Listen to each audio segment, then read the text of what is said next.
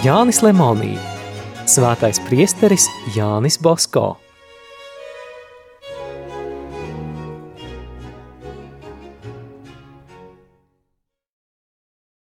Pēc lūkšanas šīs svētdienas programmā bija vēl kāds jaunums.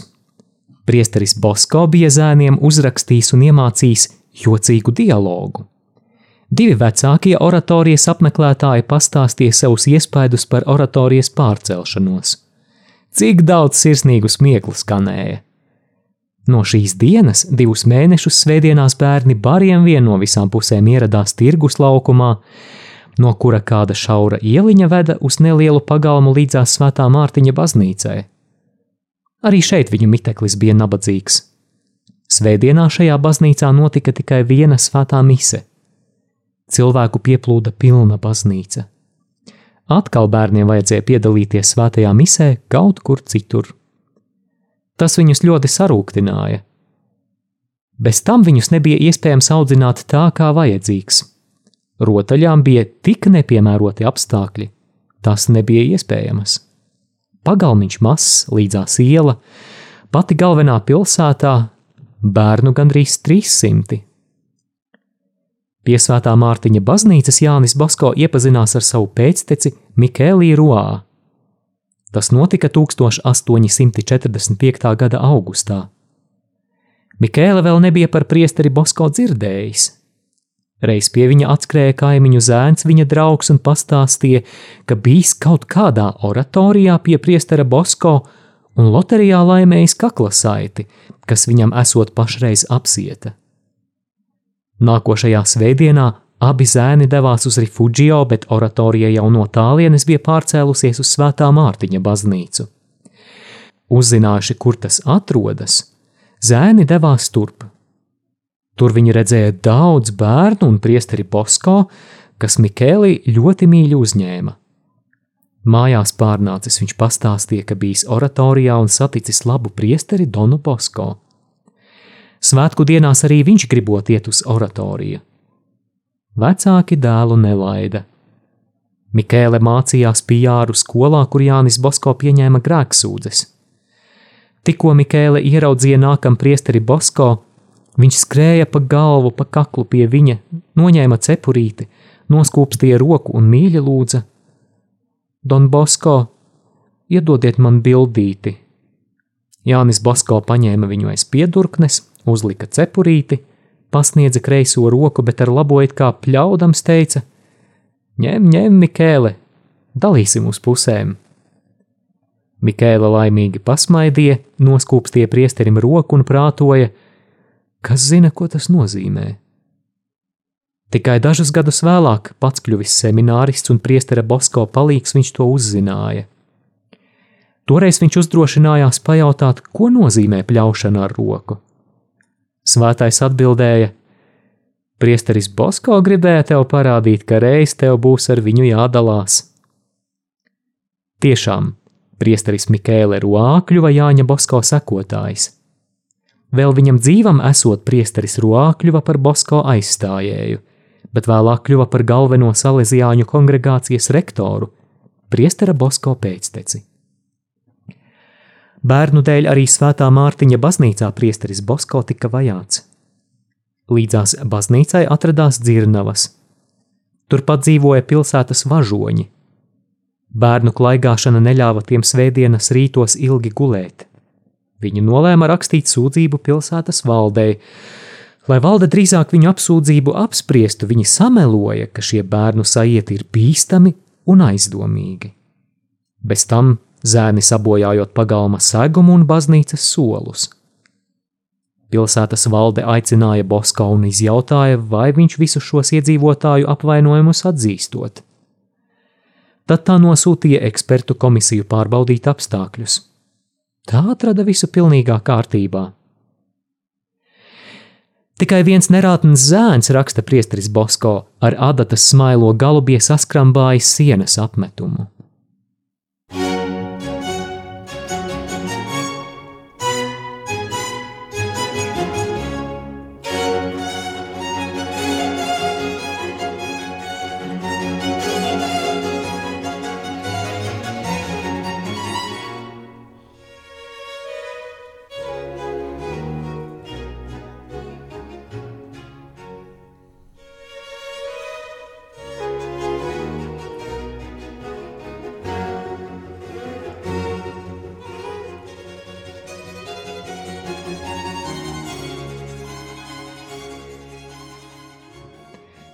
Šo notikumu laikā ievērojami pasliktinājās priestera Bosko veselība.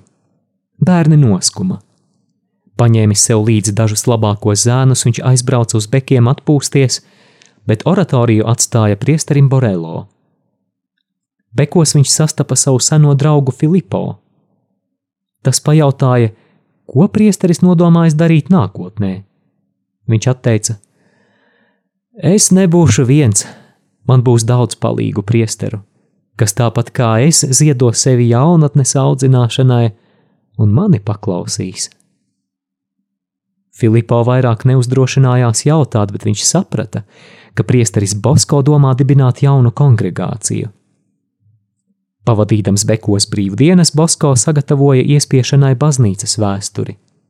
Šis darbs mums rāda viņa dziļo ticību, viņa slāpes pēc arvien lielāka izpestīto dvēseļu skaita, viņa pakļaušanos svētajam krēslam. Kaut gan dzimtajā pusē viņš jutās labi, tomēr viņa domas kavējās Turīnā pie bērniem, un viņš ilgojās, kad atkal varēs pie tiem atgriezties. Bosko nojauta, ka oratoriju sagaida jauni šķēršļi un grūtības. Lūk, atkal dzirnavu, kas atradās līdzās Mārtiņa baznīcai, rakstvedis iesniedza pilsētas valdei sūdzību, ka apkārtējie iedzīvotāji šo klaidoņu bērnu dēļ nevar mierīgi dzīvot. Priesteris Bosko savās atmiņās raksta: Ne visi mani pretinieki priecājās par savu uzvaru. Dzirnavu rakstvedis X Stingri aizliedzu kādreiz viņa uzvārdu izpaust. Kas parakstīja šo sūdzību, pēdējo reizi savā rokā paņēma spalvu, jo pēc dažām stundām viņu sāka mocīt savādi drebuļi, ar ko vārgdams gadu mocījies viņš nomira. Dieva griba bija tāda, ka nelaimīgā sūdzētāja dēls tika izdzīts uz ielas un nedaudz vēlāk atrada patvērumu priestera Bosko nodibinātajā Valdoko oratorijā. Svētā Mārtiņa baznīcu priestera Bosko zēni atstāja tikai 2. adventa svētdienā, 12. decembrī. Jānis Basko šajā dienā bija ļoti norūpējies. Pēc svētās mises ar īsu lūkšanu griezies pie svētā Mārtiņa. Viņš izgāja pie visiem kopā ārā un lūkodamies augšup sacīja: Dominiest terra et plenitudo ejus. Kungam pieder zeme un viss plašums. Paļaujoties uz Dievu, viņš gāja meklēt jaunu vietu, pats nezinādams, kur. Priesterim Basko šajā gadā bija skumji Ziemassvētki, bet viņš savas sāpes zēniem neizrādīja. Tomēr arī zēni bija noskumuši. Visus mierināja tikai viņa vēstījums par nākamo oratoriju, kas vēl bija tikai dieva ziņā. Tumsas nomākto priestera dvēseli šajās dienās atspirdzināja cits sapnis – Šoreiz redzējums bija sevišķi skaists. Jānis Basko to izstāstīja 1884. gadā.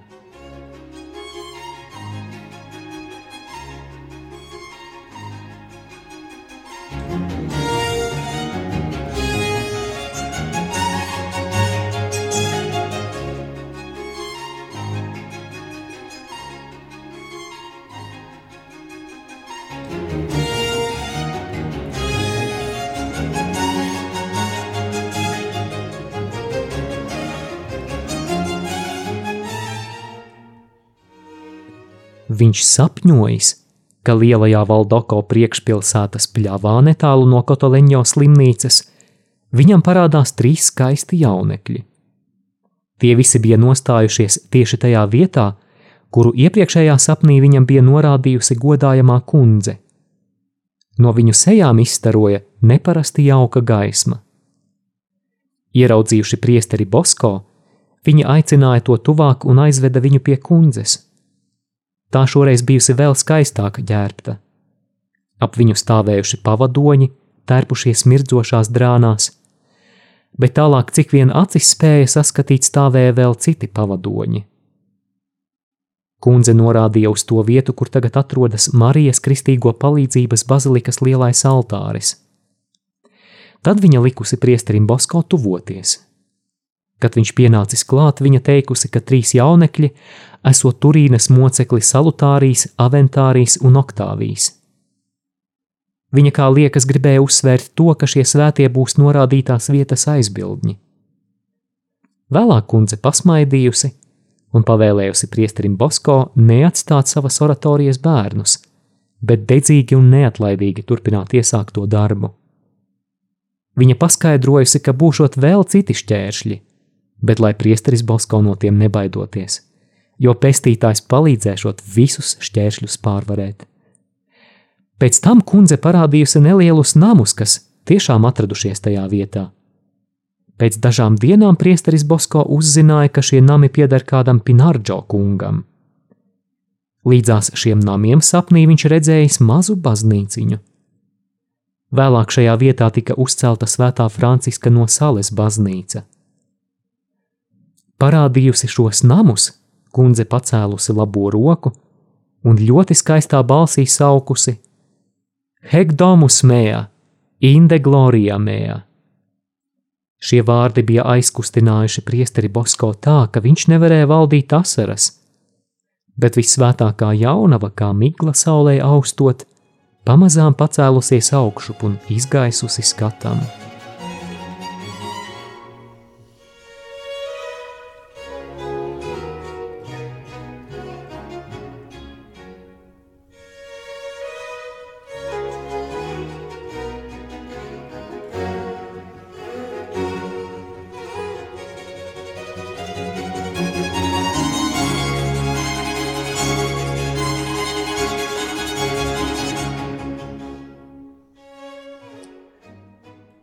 No rīta Jānis Basko, priecādamies par redzēto ainu, gāja apskatīt norādītās vietas. Kā viņš brīnījās, kad baznīcas un namiņu vietā atrada negodīgu cilvēku mājokli. Bija jau ziema. Augstuma dēļ bērnus vairs nevarēja vest ārā no pilsētas. Šā vai tā bija jāatrod kāda pastāvīga apmešanās vieta svētdienas sajietiem. Beidzot, Bosko atrada labu cilvēku priesteri Antoniju Moreto, kas dzīvoja netālu no Rifugio vasarnīcas. Viņš apņēmās izīrēt trīs istabas. Neko nenojaustami bērni tuvojās savai apsolītajai zemē. Jaunajā vietā kapelas nebija, svēto misi vajadzēja svinēt kādā no pilsētas baznīcām. Visbiežāk priesteris Bosko viņus veda uz svētās jaunavas noskumušo iepriecinātājas baznīcu vai uz Svētā Augustīna baznīcu. Moreto namiņā bērni dziedāja dziesmas un lūdzās neliela visvētākās jaunavas altāra priekšā. Katrs to uzposa kā vien prata. Rotaļām gan bija maz vietas, tomēr visi bija līksmi. Ja arī vietas un ērtību trūka, tomēr bija priesteris Bosko, ar viņu zēni jutās labi visur. Vienīgā bēda bija par to, ka bērnu prieks priesteris Bosko sāka atkal slimot. Marķīze Barolo no Romas pavēlēja viņu nodrošināt ar visām ērtībām dzīvošanai, un oratorijai atsūtīja simts liru. Neviens priesteri nespēja atrunāt no darba ar zēniem. Visi jūta, ka šajā kritiskajā laikā priesteris Bosko bija oratorijas sirds, kurai apstājoties oratorija būtu mirusi, un vairāki simti trūcīgo bērnu atgrieztos uz ielas. Trīs izīrētajās istabās iekārtoja skolu. Vēl kāds labs priesteris, Jacits Karpāno, nāca Jānim Bosko palīgā zēnus mācīt un uzraudzīt. Spējīgākajiem viņš arī darbdienās mācīja aritmētiku, geogrāfiju un zīmēšanu. Ko priesteris Bosko darīja darbdienās? Cik viņam bija pienākumu, to mēs zinām bet vai viņš spētu mierīgi nosēdēt, kaut kā nedarbojoties jaunieša labā? Darbdienās, neņemot vērā vājo veselību, viņš dažas Turīnas privātmājās un valsts skolās mācīja ticības mācību. Labo audzinātāju iemīlēja arī turīgākie jaunieši. Vienmēr daudz ir neapmierināti ar dedzīgu priesteri. Visvairāk tas bija vērojams liberāļu valdīšanas gados – Savādi, ka pat daži ļoti nopietni cilvēki priesteri Bosko uzskatīja par lepnu un ietiepīgu savādnieku. Pēc kāda laika paklīda baumas, ka priesteris Bosko esot dumpinieks, vēlāk, ka viņš sajucis prātā, pēdīgi, ka iestidzis maldu ticībā. Pat priesteri neticēja, ka Jānis Bosko strādā dieva vadīts un ar labu gribu. Priesteru konferencē kanoniķis Kārlis Delaporta sūdzējās, ka priesteris Bosko pievilinot viņa draudzes locekļus, mazie nekad neejot uz baznīcu un neierodoties uz draudzes katehisma mācībām, lūg tie izaugšot tādi, kas sava prāvesta nepazīšot. Pēc viņa sprieduma nopietni kaut kas jādara, lai to novērstu, Konferencē piedalījās arī prāvests Borelo. Vienīgi viņš nostājās priestera Bosko pusē un viņu aizstāvēja. Tad arī citi priesteri bija vienisprātis ar priesteri Borelo. Tikai priesteris Delaporta viens ietiepās un apgalvoja, ka viņa draudzes robežās nevienam nebūs tiesības organizēt pasākumus bez viņa atļaujas. No nu arī citi priesteri sāka nostāties viņa pusē, Viņi to nedarīja aiz skaudības vai aprobežotības dēļ, bet tādēļ, ka bija norūpējušies par savām draudzēm. Izklīstot, viņi nosprieda uzaicināt uz apspriedi priesteri Bosko un lūgt viņam paskaidrojumus. Divus priesterus pilnvaroja doties pie Jāņa Bosko. Priesteris Bosko abiem ļoti pieklājīgi paskaidroja, ka lielākā daļa bērnu ir svešinieki un nepieder nevienai draudzēji, jo šodien viņi dzīvo te, rīt jau citur. Tādiem iesaistīties draudzē ir pat neiespējams. Viņi visi ir gandrīz jaunekļi, bet par ticības patiesībām neko nezina. Viņiem ir kauns mācīties katehismu kopā ar mazajiem. Šie bērni taču uz draudzes baznīcām neiet, bet ar varu viņš tos nevar aizcīt. Bez tam turpināja priesteris Bosko, jāatceras, ka šie zēni nāk uz oratoriju nevis baznīcas dēļ, bet rotaļu un dāvanu dēļ. Tikai tā pievilināti viņi ļaujas sevi pamācīt un labot. Bez rotaļām un iepriecinājuma viņus nepiesaistītu ne priesteris Bosko, ne prāvesti. Paši saprotiet, kas tad tos sagūstīs savos tīklos. Būtu labi, ja visi prāvesti iekārtotu pie draudzes baznīcām tādu izklaidēšanās vietu bērniem. Ja visi to saprastu un darītu, tad man nevajadzētu slimot, bet jums raizēties.